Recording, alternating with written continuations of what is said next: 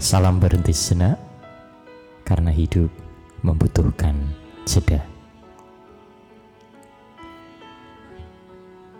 Sahabat-sahabatku yang terkasih, mohon maaf beberapa waktu ini renungan-renungan di berhenti sejenak jarang tampil nih.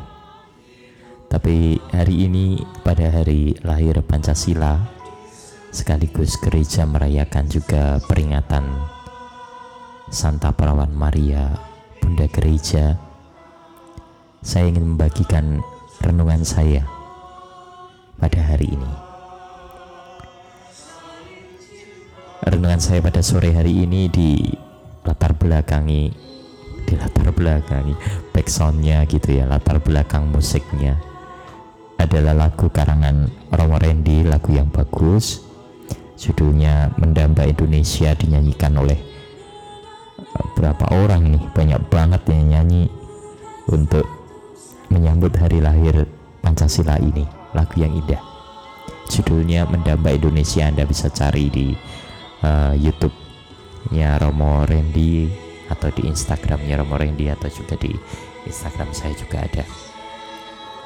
Sahabat-sahabat yang terkasih saya ingin merenungkan uh, bertolak dari bacaan Injil pada hari ini Injil Yohanes bab 19 ayat 25-27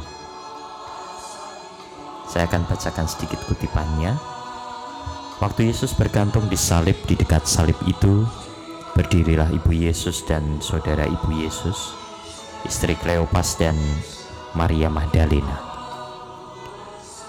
Ketika Yesus melihat ibunya dan murid yang dikasihnya di sampingnya, berkatalah ia kepada ibunya, Ibu, inilah anakmu.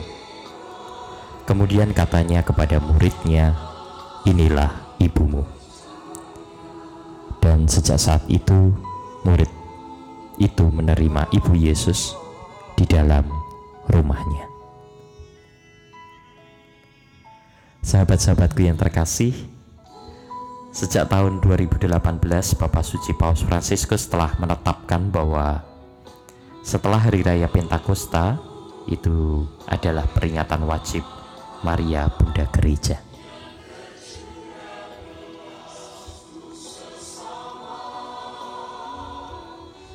Saya sangat terkesan dengan pribadi Maria.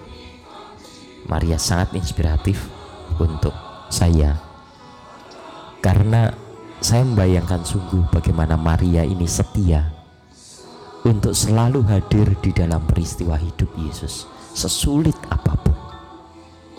Bahkan jika itu membuat Maria menangis dan berduka. Kita mengenal ada Sabta Duka Maria. Dan itulah tanda bahwa Maria setia untuk menemani Yesus anaknya dalam peristiwa sesulit apa pun.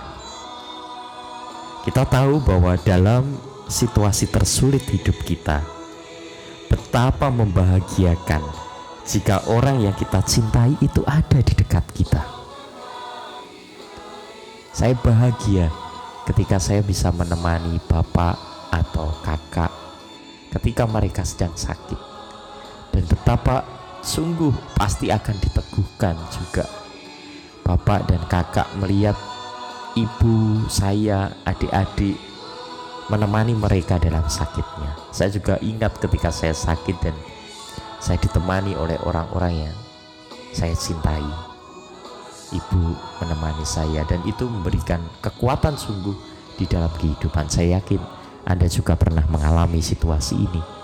Dan ketika Anda dalam situasi sulit dan orang yang Anda cintai itu ada bersama dengan Anda itu saling sangat menguatkan sahabat-sahabatku, Maria hadir dalam semua peristiwa Yesus. Dan begitu pun ia sekarang menemani gereja. Bahkan jika gereja berada dalam situasi sulit apa pun, terutama pada masa-masa sekarang ini.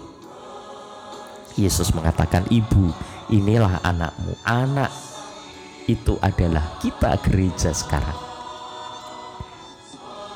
Anak inilah ibumu kita gereja tahu bahwa Maria adalah ibu kita, ibu gereja. Karena itulah gereja memberikan penghormatan besar padanya dan bukan sekedar hormat.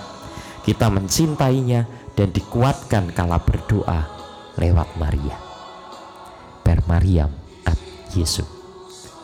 Melalui Maria kita sampai kepada Yesus.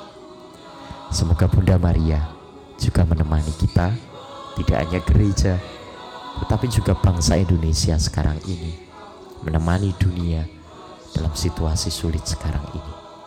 Agar kita tetap berpengharapan kuat saling mendukung menjadi sahabat menjadi saudara bagi mereka yang membutuhkan bantuan kita membutuhkan kehadiran kita.